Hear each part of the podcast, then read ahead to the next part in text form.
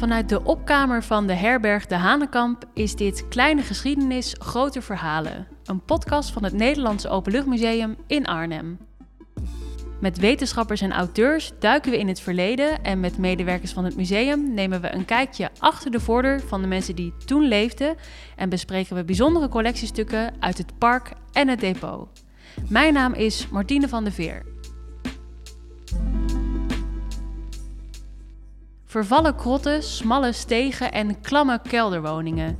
In het Nederland van 1900 leefden ongeveer 1 miljoen mensen onder erbarmelijke omstandigheden in overbevolkte wijken, zoals de Amsterdamse Jordaan.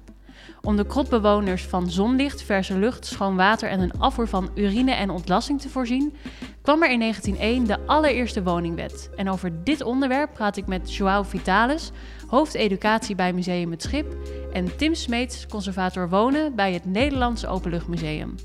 Dit is aflevering 2, Wonen, van krot tot grachtenpand. Joao, als je nu door Jordaan loopt en je ziet al die dure huizen, kan je je nauwelijks voorstellen wat voor wijk dat was rond 1900. Wat voor buurt was dat toen? Nou, je moet je voorstellen dat er ontzettend veel gewerkt werd in de Jordaan in die tijd. Uh, er was veel industrie, er liepen veel mensen op straat. Was wat dat betreft wat drukker dan tegenwoordig misschien. Uh, er liepen heel veel kinderen rond natuurlijk. En het rook heel anders. Tegenwoordig ruik je misschien uh, hippe koffiebarretjes of zo. Maar in die tijd dan had je echt de geur van, nou ja, paardenmest waarschijnlijk. Maar ook de geur van de grachten was niet heel erg lekker. Want daar kwamen alle riolen op uit. Dus die geur die zul je ook veel geroken hebben. Dus het, het stonk echt heel erg de gebouwen zelf, ja, het was, de staat was ontzettend slecht. Het werd ontzettend slecht onderhouden. De muren waren heel dun, je hoorde je buren altijd. En was de Jordaan nou de enige wijk in Nederland die zo was? Of waren er veel van dit soort wijken rond 1900? Elke groeiende stad rond 1900 had wel zo'n wijk of verschillende van dit soort wijken. Dus het was eigenlijk in heel Nederland wel uh, te vinden. De grote steden zoals Amsterdam, daar was het het allerergst. Maar uh, ja, je kon dat ook in, uh, prima in Arnhem, Nijmegen, en Enschede, Groningen. Overal kon je die krottenwijken kon je terugvinden. En zelf heb ik dan ook onderzoek gedaan naar bijvoorbeeld Alkmaar in Noord-Holland. Dat was ook echt een, een, een stad met een groeiende bevolking. Dus daar had je ook krottenwijken wel een veel kleinere schaal dan in Amsterdam, maar je had ze wel. Je zegt groeiende bevolking. Hoe kwam het dat die wijken nou zo uit hun voegen waren gebarsten? Nou, je moet je voorstellen dat eigenlijk sinds de 17e eeuw, toen het heel goed ging economisch in Nederland, dat eigenlijk die steden niet meer echt gegroeid waren. En pas zo rond 1850 begon daar verandering in te komen. De accijns op voedsel gingen wat omlaag, dus het voedsel werd wat goedkoper. Medische wetenschap ging vooruit. Dus uh, de natuurlijke bevolkingsgroei steeg. En daarnaast had je ook nog een grote trek van het platteland naar de steden toe. Want wat zochten die mensen dan in die steden? Wat hoopten ze daar te vinden? Nou, aan de ene kant hadden ze een soort, ja, was er misschien een soort romantisch ideaal ook op het platteland van de stad. De stad is dynamisch, daar gebeurden dingen, uh, de technologie natuurlijk, uh, er kwamen stoomtreinen. Dus het, het, had een soort romantisch ideaalbeeld, uh, eigenlijk, die stad. Maar tegelijkertijd was er ook veel werk. Er was, er was veel te doen, industrie die, die natuurlijk naar de steden trok. Dus ik, wat ik denk dat ze daar hoopten te vinden was een nieuw leven. Een, een nieuw, spannend, modern, dynamisch leven met veel werk en misschien ook wel veel geld. Tim, jij bent weer in onze collectie gedoken op zoek naar voorbeelden van dit soort verhalen. Ja. En ik denk dat het leuk is om te beginnen bij een plek die mensen sowieso kennen als ze wel eens in het museum zijn geweest, namelijk de Westerstraat. Die zit direct naast de entree.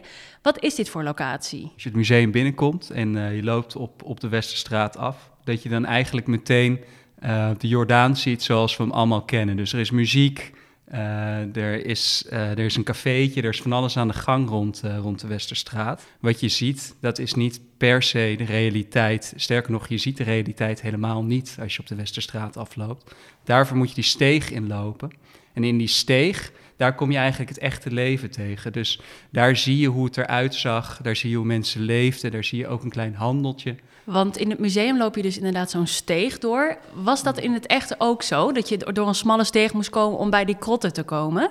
Ja, ja, en het interessante is dat als je vandaag uh, door de Jordaan loopt, zie je dat ook nog wel. Dan moet je, dan moet je wel omhoog kijken, hè? dan moet je naar de gevels kijken, tussen, uh, naar de spleten tussen de gebouwen. Die zijn nu vaak op, uh, op, st op, straatniveau zijn die dichtgemaakt. Maar daarachter moet je je eigenlijk een heel leven voorstellen. Dus een hele eigen dimensie.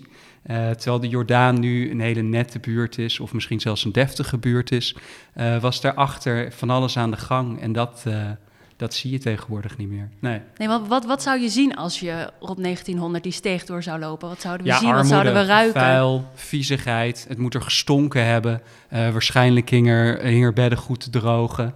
Uh, Zo'n soort beeld moet je je echt voorstellen. inderdaad, veel, viezigheid. Ja, veel, wa veel was inderdaad. Ja, uh, veel ja. kleding. Donker, donker. dat ook.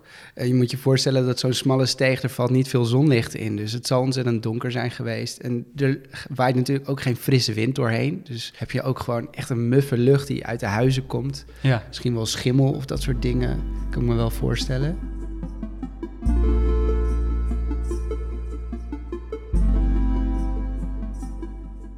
Want we hebben het nu over huizen, maar in het museum zie je dat zo'n krot eigenlijk meer een soort van kamerwoning was, toch? Ja, ja. Hoe leefden mensen daar? Nou, kijk, um, in, in, in de krot uh, van dit museum bijvoorbeeld, um, dat is een ruimte die ooit ingericht is voor am, ambachtslieden om in te kunnen werken. En uh, met, met urbanisatie en met dat de Jordaan eigenlijk uit zijn voegen begon te barsten, gingen mensen ook dat soort ruimte betrekken. En um, bijvoorbeeld de krot zoals die wij in het museum hebben, werd ook onderling weer verkaveld. Dus uh, wat je zag was dat uh, er één familie woonde.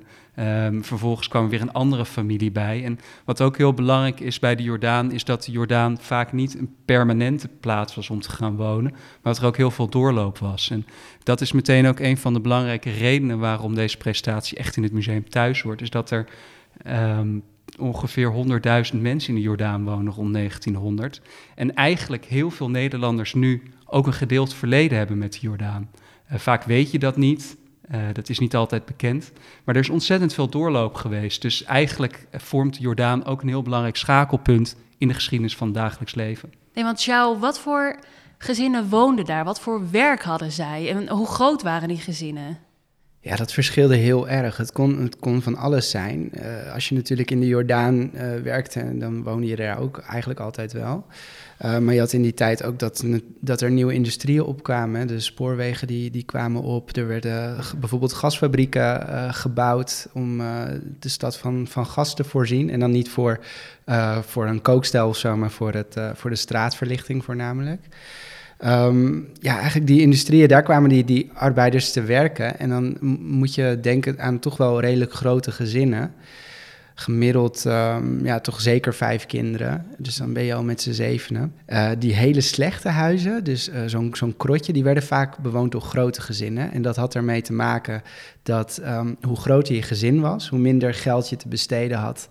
Uh, om aan wonen uit te geven, want je was meer geld kwijt aan eten, voor al die kinderen. En natuurlijk ook uh, kleding, dat soort dingen. Dus hoe groter het gezin, hoe kleiner de woning.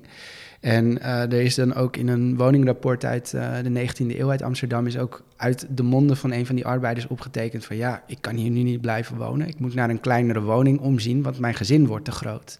Dus dat idee dat je een heel groot gezin hebt en dan dus op zoek moet naar een kleinere woning, dat is natuurlijk best wel een, een gek idee. En in zo'n krotje, in, zo'n, in, in die sloppen eigenlijk, ja, daar woonden dus echt de grootste gezinnen. In de Jordaan rond 1900 had je een kindersterfte die echt vergelijkbaar, uh, vergelijkbaar was en is met de derde wereld vandaag. Dus de armoede was, uh, was zo groot dat we het hier echt over de, over de derde wereld hebben eigenlijk. Ja. ja, en toch gaat het over om en nabij een miljoen mensen. Dat lijkt me heel veel. Ja, zeker. Als je bedenkt dat de bevolking van Nederland toen, nou, wat was het? 5 miljoen. Ja, 4, 5 miljoen, zoiets. Dus dat, dan, dan heb je het echt over 20% van de totale bevolking. Mm. Um, en dan moet je ook bedenken dat in die tijd de, ja, dat, dat, dat, het, dat is echt gigantisch eigenlijk. En de meeste mensen, ik heb zelf dan in mijn, uh, in mijn scriptie heb ik dus gekeken naar Alkmaar, maar ook landelijk, dat uh, toch de woningvoorraad ook van Nederland, dat het voornamelijk bestond in die tijd uit één, twee of drie kamerwoningen. Uh, dus 60% van de, van de totale woningvoorraad was één, twee of drie kamerwoningen.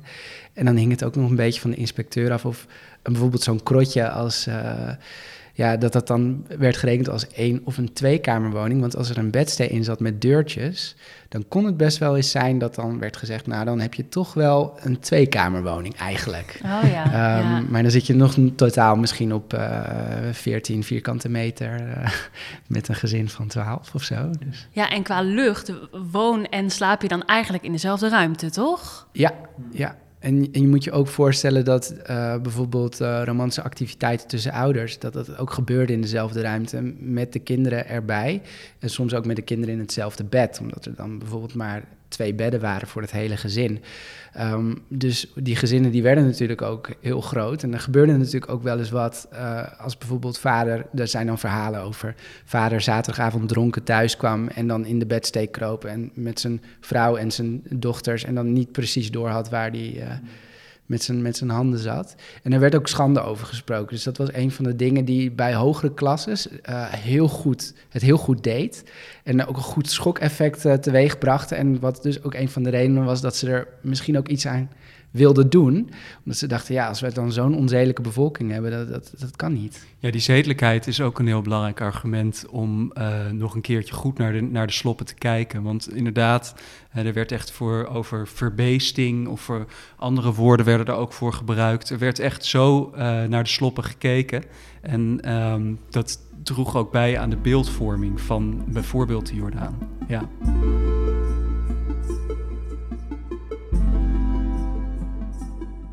We hebben het nu echt over dat uh, dagelijks leven. En Tim, jij hebt daar ook hele goede voorbeelden van gevonden in onze Ja, collectie. ja. Laten we beginnen met een ja, houten doos eigenlijk. Kan je uitleggen wat dat, wat dat Ja. is? Het is echt een, eh, een meubel. Eh, hij rust op vier poten van hout. Eh, je kon hem in de kamer plaatsen. Soms stond hij gewoon ook naast het gasfornuis of naast het petroleumstelletje. Het, eh, het was de poepdoos. En deze poepdoos eh, die kon open en dicht met een klapdeksel.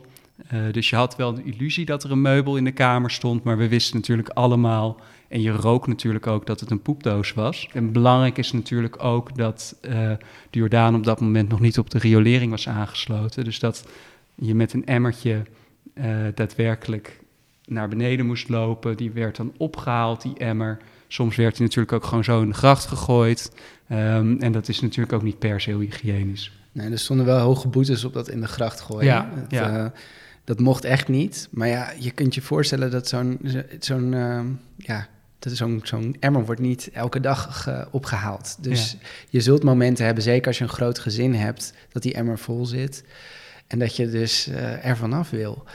En zeker in die bedompte woningjes zal het ook dan ook niet heel prettig zijn geweest als je een hele volle eh, poepdoos hebt staan. Nee, en wat, wat ook, eh, er, werd, er werd wel over nagedacht. Er was natuurlijk regelgeving. Er, vanaf, de, vanaf de 17e eeuw was het al zo dat dode dieren eh, buiten de stadsmuren begraven moesten worden.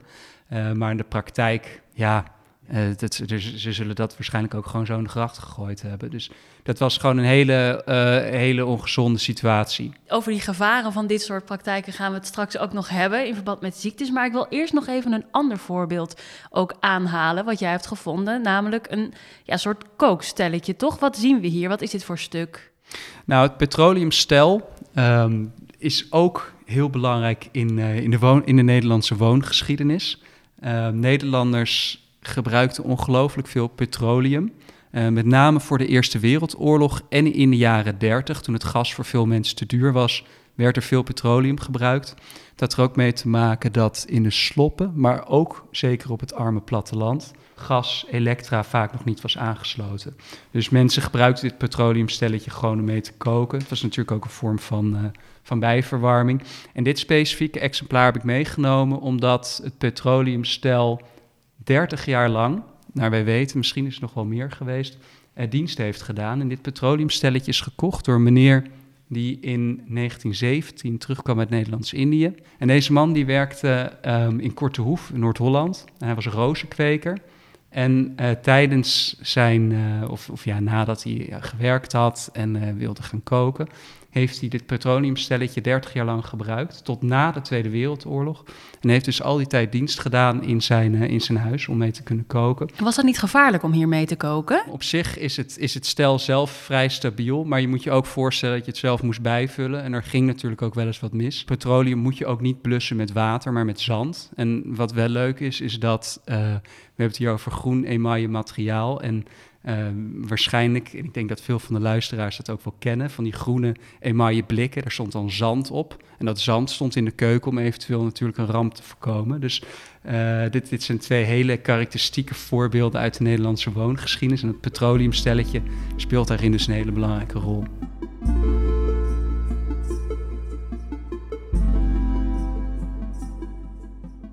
Ja, we hebben het hier eigenlijk over best wel erbarmelijke woonomstandigheden. Maar Joao, ik vraag me af, was er dan niemand die zich om deze situatie bekommerde?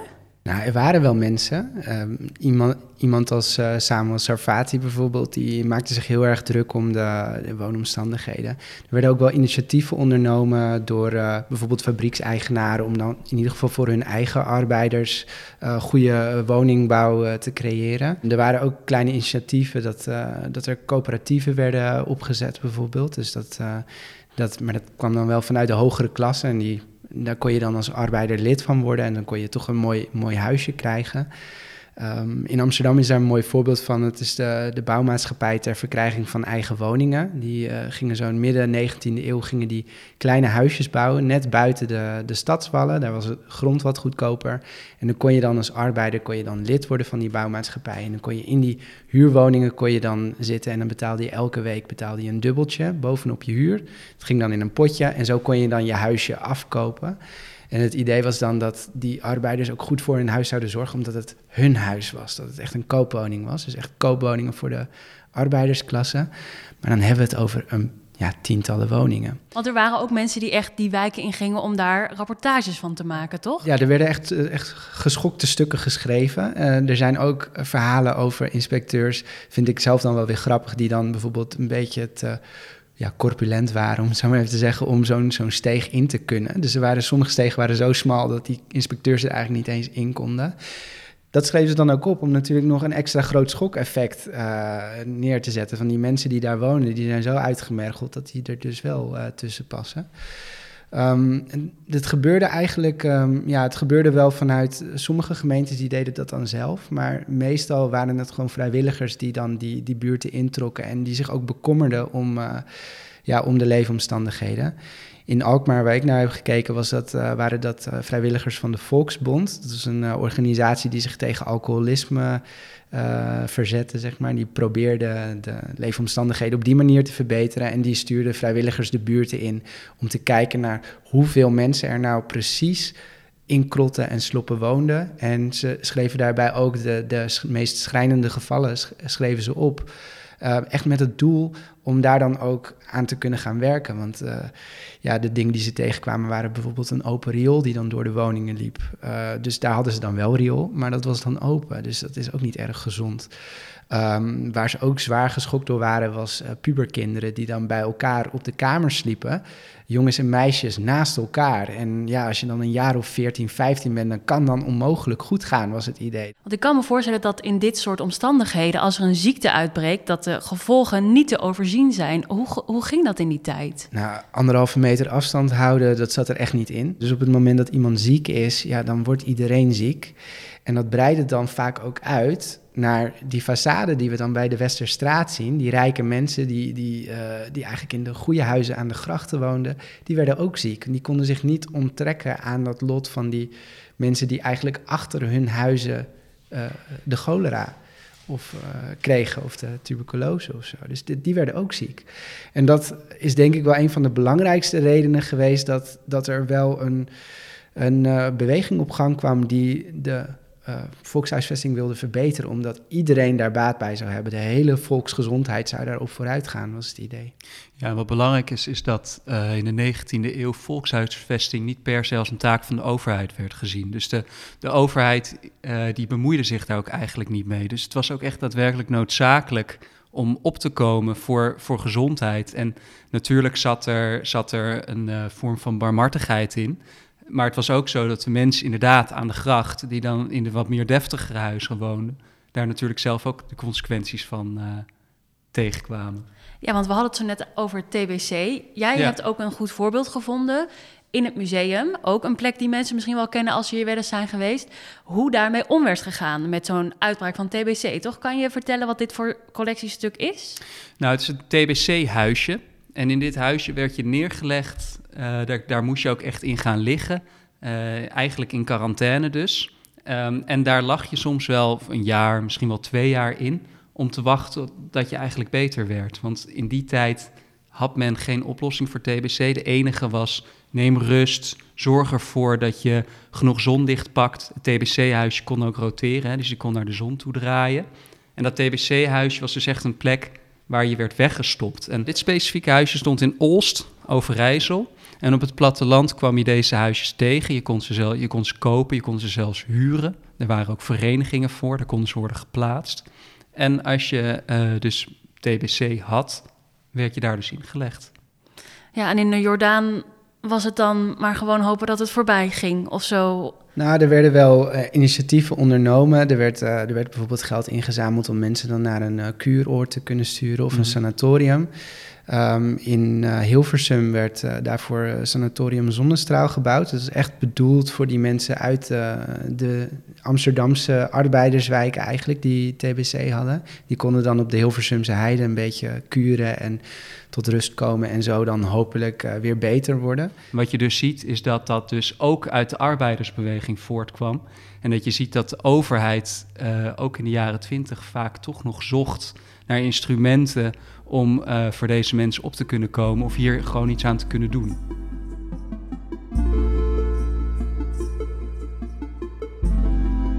We hebben het telkens over eigenlijk kleine groepjes, bonden of mensen die liefdadigheid willen doen.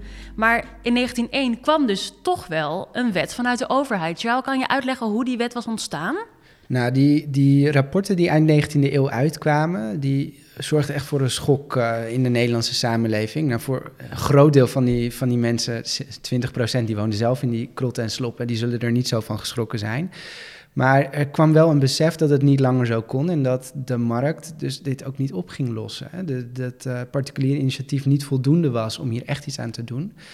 Uh, dus er werd, een, uh, er werd eigenlijk een, een wet aangenomen, de woningwet. En in de Tweede Kamer ging die wet er echt echt heel soepeltjes doorheen. Dat, iedereen was er wel overtuigd van het nut van die wet. Maar in de Eerste Kamer is het echt met ja, een minieme meerderheid is het, is het er doorgekomen. Want er was gewoon echt heel veel weerstand tegen het idee dat, een, dat de overheid zich moest gaan bemoeien met de volkshuisvesting. Het idee was echt dat dat geen taak was voor de regering. Dat, dat moest gewoon vanzelf wel oplossen. Ja, want wat voor regels stonden er dan in die wet? Nou, die wet die zorgde eigenlijk voor een aantal uh, belangrijke dingen. En dat was dat steden die heel erg groeiden, dat die uh, uitbreidingsplannen moesten maken. Klinkt heel logisch dat je dat als gemeente doet, maar in die tijd werd dat voornamelijk ook door particulieren gedaan. Dus als je dan een, uh, ja, een stuk land buiten de stad kocht en je zette daar een paar arbeiderswoningjes neer, dan zorgde de gemeente voor een weg er naartoe. Zo werd het een beetje geregeld. Uh, dat betekende dat als je naar Amsterdam gaat, dan zie je dat de pijp, bijvoorbeeld die wijk, die is uh, in die tijd gebouwd. Dan zie je dat daar vooral heel veel cafeetjes zijn. Uh, dat er weinig pleinen zijn, want pleinen zijn duur. Dus als je een stuk grond koopt, ga je geen plein aanleggen. Nee, want je kan er niks aan verdienen. Je kan er niks aan verdienen. Dus uh, ja, openbaar groen, dat soort dingen, ja, doe je niet. Tenzij je er iets aan kan verdienen, zoals bij het Vondelpark. Er werd een groot hek omheen gezet en moest je lid van worden. Dus openbaar groen in de 19e eeuw, dat zie je eigenlijk niet. Uh, dus dat was heel belangrijk. Het eerste punt, uitbreidingsplannen. En wat zie je dan? Er ontstaat ruimte voor pleinen, uh, openbare parken, openbaar groen, brede straten. Want uh, ja, dat, dat kon. dus dat was de eerste. En de tweede was dat er financiering kwam. Dus de, je kon als gemeente kon je geld krijgen van het Rijk om dit soort uh, plannen te maken en ook om woningbouwverenigingen uh, geld uit te lenen. Dus ja, dat, dat, was dan ook geregeld. En het derde was dat er eigenlijk een bouwverordening moest komen. En die kon elke gemeente voor zichzelf opstellen. er moesten wel een aantal dingen in staan. Er moest bijvoorbeeld er moest worden nagedacht over ramen, over rookkanalen, over riolering en dat soort dingen. Maar hoe dat precies ging, dat werd aan de gemeente zelf overgelaten. En daar kregen ze twee jaar voor, dus van 1902 tot 1904 mochten ze dat doen. De meeste gemeentes kwamen zo rond 1905, 1906 kwamen ze met een plannetje, dus dat, duurde wat langer. Um, en dat verschilde heel erg. In Rotterdam bijvoorbeeld was het uh, tot 1937 uh, nog toegestaan om een alkoofje in, het, in de woning te plaatsen met een bedstee erin. Waar dat bijvoorbeeld in, in Alkmaar en in Amsterdam al vanaf 1904 verboden is. Dus dan moet je echt een slaapkamer hebben. En die bouwverordening, dus dat laatste punt van die woningwet, dat heeft denk ik heel erg bepaald hoe wij nu tegenwoordig ook nog steeds over wonen denken. En dat wij dus zoiets als een toilet in onze woning, dat we dat heel vanzelfsprekend vinden. Een raam in onze slaapkamer. Dat soort simpele dingen waar je niet eens over nadenkt, dat dat misschien wel bijzonder is. Uh, dat, dat is eigenlijk toen met die bouwverordening en met die woningwet is dat, uh, is dat erin gekomen.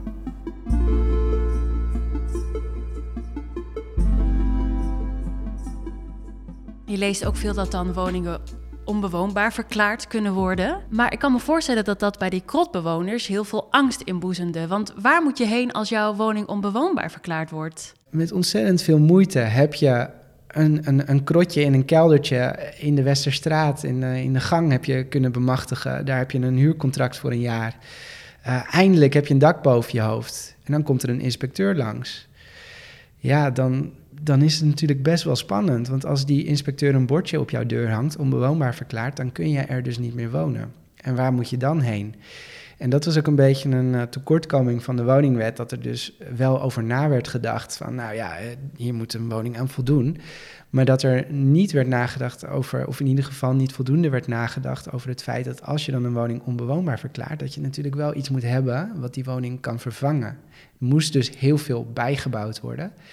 En um, nou, e-, eerlijk, eerlijkheidshalve moet ik wel zeggen dat in de eerste woningwet stond er wel een kleine bijzin bij van nou, die onbewoonbare verklaringen, doe daar maar een beetje voorzichtig mee, want hè, er moeten toch wel wat woningen bij komen voordat dat uh, echt kan. Dus er werd ook wel uh, voorzichtig mee omgesprongen. Maar ja, die, die onbewoonbare verklaring zorgde eigenlijk voor extra druk op die woningmarkt, die toch al heel erg overspannen was. Dus dat was best een probleem. Ja, want hoe keken die mensen die in buurten zoals de Jordaan leefden, hoe keken die naar die woningwet? Nou, aan de ene kant was het natuurlijk fijn dat er eindelijk is, werd nagedacht over goede woningen. Dat er ook, als er nieuw, nieuwbouw werd gepleegd, dat dat ook gewoon goed was.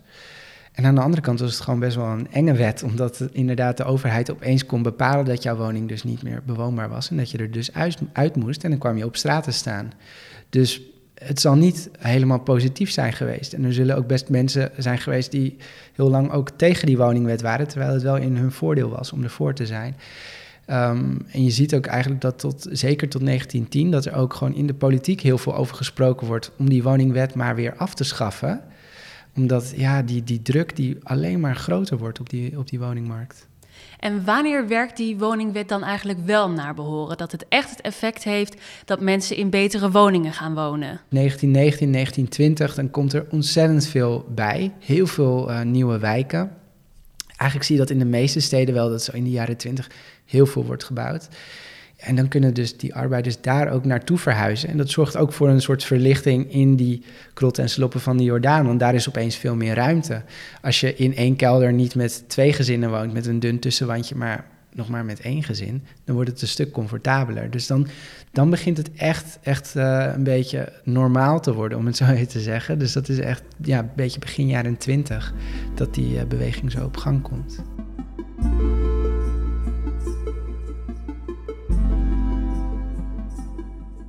Tim, in de Jordaan blijft het heel lang nog slecht, toch? Kan je vertellen hoe dat komt, dat dat daar eigenlijk niet wordt verbeterd? Wat je ziet is dat, uh, dat, dat uh, de gemeente en de overheid, dat daar toch moeilijk grip op te krijgen, krijgen is. En uh, ik, ik heb ook een object meegenomen, het is een foto uit, uh, uit de Zeilstraat, dat is net randje Jordaan. En daar zie je dus dat, dat die baldoodwagen, zo werd hij genoemd, dat hij een poepemmer, een poepdoos kwam ophalen. Ehm, en eh, dan zie je dus dat in 1937 die wagen nog moest rijden. Je had nog steeds geen riolering, het werkte vaak niet. De overheid had vaak toch gewoon geen grip op, op, ehm, op de wetten en de plannen die ze hadden bedacht. En het is heel belangrijk om, om echt vast te stellen dat die woningwet eigenlijk ontzettend ambitieus was. En misschien wel te ambitieus was. Want daarvoor had de overheid dus weinig ervaring hè, met, met hoe je uh, daarmee om moest gaan. En je ziet dat dat dus echt decennia nodig had om dat op, op gang te brengen. Als je denkt aan de Jordaan, dan denk je natuurlijk ook echt aan een volkswijk. Uh, vrouwen die buiten met elkaar staan te kletsen, inderdaad die was die daar hangt. Hoe heeft ja, eigenlijk die, die geschiedenis van die krotten, hoe heeft dat bijgedragen aan de mythevorming rondom de Jordaan? Nou, het gekke is dat je die sloppen en die krotten vaak juist niet ziet. Dus als je uh, naar theater gaat of films of, of, liedjes over de Jordaan, dan wordt vooral dat hele positieve wordt neergezet. Hè. Er wordt echt inderdaad een mythe gecreëerd. Uh, dus eigenlijk de façade waar we het net over hadden van de Westerstraat, die zie je tot, tot leven komen in dat soort, in dat soort, in dat soort beeldmateriaal. Alleen het is ook, uh, het is ook natuurlijk, uh, je moet je voorstellen, als je zelf in zo'n wijk woont, wil je natuurlijk ook misschien een positief beeld van je eigen wijk naar buiten brengen. En eigenlijk het gekke eraan nu is dat als je nu door de Jordaan loopt en je ziet dus dat het een deftige, hippe buurt is geworden, en dat dat helemaal weg is gevallen. Dus dat, dat, dat beeld, dat kennen we eigenlijk niet meer. En dat is natuurlijk ook een beetje de ironie van deze geschiedenis. Dat je aan de ene kant dus die sloppenwijken hebt, hè, die, die hele moeilijke geschiedenis. En aan de andere kant zijn we die nu bijna vergeten. En als je nu door de Amsterdamse Jordaan loopt, moet je echt nog wel je best doen om dat te kunnen zien. Ja, terwijl dat eigenlijk niet eens zo heel lang geleden is, toch? Want wanneer zijn die laatste krotten verdwenen in de Jordaan? Als je kijkt naar wat wij nu uh, nemen als, uh, als de ondergrens, uh, als waaruit onze woning moet bestaan. En als je dan naar 1900 kijkt en ziet wat voor privacy we nu hebben, hygiëne, uh, nutsvoorzieningen. dat kun je eigenlijk niet met elkaar vergelijken, maar dat soort bordjes van onbewoonbaar verklaard, dat zie, zie, je echt tot rond de Tweede Wereldoorlog nog wel verschijnen. En ik denk dat als je met onze huidige standaard naar wat een krot of een slot, slop bewoning is, dat je echt nog wel aan ongeveer 100.000 woningen in Nederland moet denken. Uh, die echt krot, krotten waren rond de Tweede Wereldoorlog. Ja. ja, en als je eigenlijk naar heel Nederland kijkt. Jij hebt bijvoorbeeld ook onderzoek gedaan naar Alkmaar. Wanneer was het ongeveer in heel Nederland gedaan met die slechte woningen? Nou, ik denk dat je dat, je dat best wel um, zo rond de jaren 70 kan plaatsen zelfs. Dus dat heeft heel lang geduurd. En dan moet je bedenken dat er dus al ja, bijna 70 jaar op dat moment een, een woningwet klaar ligt die dit moet voorkomen. Is er tegenwoordig nog een woningwet? Zeker. En die wordt ook eens in de zoveel tijd weer helemaal aangepast aan de, aan de nieuwe eisen. En het grappige vind ik zelf dat de eisen van die woningwet, of uh, van die bouwverordeningen dan, dat die dus best wel kunnen verschillen. Want wij vinden tegenwoordig vinden wij andere dingen belangrijk dan men in 1902 dat uh, vond. Dus als je, als je kijkt naar, uh, naar die eerste woningwet en die eerste bouwverordeningen, dan zie je dat er bijvoorbeeld een minimumhoogte wordt vastgelegd voor ruimtes. Een minimumgrootte van een woning bij die eerste woningwet was trouwens 30 vierkante meter. En dat vind ik zelf ook wel leuk, omdat je nu heel veel mensen hebt in de steden die in studio's wonen van, nou ja, misschien 20 of 24 vierkante meter. Dus een stuk kleiner dan een minimumwoning in ja. 1902.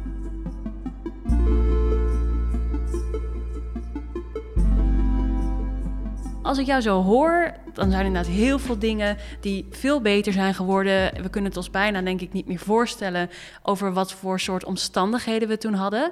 Maar sommige dingen denk ik ook, ja, dat heb je dat zie je toch nog wel eens. Dus bijvoorbeeld een wc die wel uitkomt op de keuken, waar geen halletje zit. Of uh, dan denk ik aan studentenkamers die verhuurd worden waar helemaal geen raam in zit. Hoe kan het dat dat dan toch nog steeds bestaat?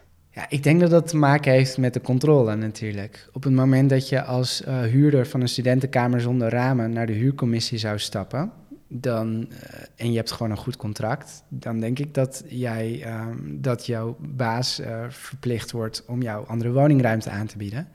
Probleem is natuurlijk dat we eigenlijk weer in hetzelfde probleem zitten als in de 19e eeuw. Dat er een gigantische druk is op de woningmarkt dat er bijna geen woningen te krijgen zijn. En dat er dus ook heel veel mensen zijn die daar misbruik van kunnen maken door uh, eigenlijk te dure ruimtes aan te bieden die niet geschikt zijn voor bewoning. En dat gebeurde ook in de 19e eeuw, want als je, als je bijvoorbeeld in zo'n krotje woonde en je had een gat in je, in je muur en je ging dat tegen je huurbaas zeggen, dan kwam je dat repareren en dan ging je huur omhoog. Want ja, had er kosten aan gehad. Uh, dus, dus mensen bleven stil en dan bleven dingen dus ook onopgemerkt. Totdat die, die, uh, die inspecteurs die wijken introkken. En ik denk dat we dat nu ook een beetje hebben. Dat die, die druk zo hoog is dat er gewoon misbruik kan worden gemaakt van het feit dat mensen echt heel erg een woning nodig hebben. De, het zicht is er niet op. Men ziet niet dat dat gebeurt. Dus dan, ja, dan kan het blijven bestaan. Ja, want dat is nu natuurlijk nu echt wel een groot vraagstuk. Want nu we dit opnemen, zitten we nog midden in de coronacrisis. Mensen zijn heel veel thuis, werken thuis, kijken misschien op een andere manier naar hoe ze wonen. De uh, huizenprijzen in de steden zijn heel hoog. Um, en we zijn dan 120 jaar later, maar jij zegt dus van er zijn toch wel qua sentimenten wat parallellen te zien. Ja, dat denk ik wel. En uh, ook de, misschien wel de, de trek naar de steden. Uh, die zit er natuurlijk ook nog wel in. Uh, dat veel mensen ook, uh, als ze gaan studeren in de stad, daar dan ook blijven hangen. En die dus ook wel ergens moeten gaan wonen. Um, we hebben tegelijkertijd dat natuurlijk in Amsterdam heb je nog het probleem dat heel veel uh, instellingen die bijvoorbeeld in Londen zaten, dat die ook naar de stad komen. Die nemen natuurlijk ook weer mensen mee die daar, uh, die dan ook weer in de stad moeten wonen. Die hebben heel veel geld en die kunnen dus ook die woningprijzen wat omhoog uh, laten stuwen. Um, maar voor, ja, voor starters is het gewoon heel lastig. En dat, dat is denk ik hetzelfde als wat in de 19e eeuw ook aan de gang was. Dat je eigenlijk bijna geen woning kon krijgen. En als je dan een woning kon krijgen voor een bedrag dat jij kon betalen, dan was de kwaliteit niet zo goed. En ik denk dat we daar eigenlijk. We hebben nu andere kwaliteitseisen, maar ik denk dat we op dat punt toch wel een klein beetje zijn aanbeland weer. Ja, want hoe zie jij dat, Tim? Nou, ik denk dat die kwaliteitseisen heel belangrijk zijn. Um, hoe wij nu een woning beoordelen, hoe wij naar ons huis kijken en de woongeschiedenis die we afgelopen eeuw hebben gehad, kun je echt zien dat er echt een ongekende revolutie heeft plaatsgevonden in ons woonhuis. Um, verdeling in ruimte, het idee dat je een kinderkamer hebt, al dat soort elementen, een aparte badkamer. Dat zijn allemaal dingen die men in 1900 eigenlijk nog niet kende. En daarbij komt ook dat uh, voor 1900 inderdaad die overheid een veel meer afwachtend voornemen had, niet interveneerde. En uh, je ziet dus dat men daar uh, op dat moment niet goed mee om kon gaan, dat niet precies kon implementeren.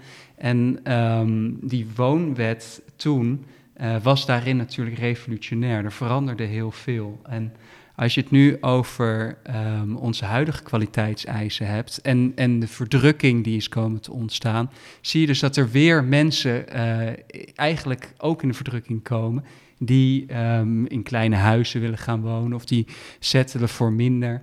Um, en je ziet dus dat daar nog steeds niet een goed systeem is op bedacht. Hoe moet je daar nou mee omgaan? Hoe zorgen we ervoor dat we weer verder gaan bouwen? Natuurlijk heeft de overheid op dit moment ook andere problemen, zoals uh, milieuwetgeving en zaken die men in die tijd niet had. Hè. Ik bedoel, de overheid had, als ze zouden willen, uh, waren ze echt slag, hadden ze veel slagkracht. We hebben het in de vorige aflevering hebben behandeld dat de overheid van een, van een zee een meer kon maken. Waarom hadden ze in die tijd, nou ja, Joao gaf net een aantal voorbeelden waarom dat niet kon, maar waarom hadden ze daar net niet meer energie of meer inspanning in kunnen zetten. Ik denk wel dat we uit moeten kijken met parallellen zoeken met het verleden, omdat uh, wij nu bijvoorbeeld ook een hele geschiedenis gehad hebben met verzorgingsstaat, volkshuisvesting. Het ziet er toch net, het totaalplaatje is toch net wat anders wat mij betreft. Maar je ziet wel weer dat er nog steeds, nog altijd mensen in de verdrukking komen en dat we daar nog steeds geen goed alternatief voor hebben. Ja, dus het gevoel is misschien wel een beetje hetzelfde, maar ja. die omstandigheden, als je kijkt naar die krotten en die sloppen, dan is dat toch wel echt veel beter geworden tegenwoordig. Absoluut, ja. Ja, ja, ja. ja. Nee, dat, daar, daar, zijn we het over. Ja, dat denk ik wel. Gelukkig maar. Dankjewel, Joao Vitalis en Tim Smeets.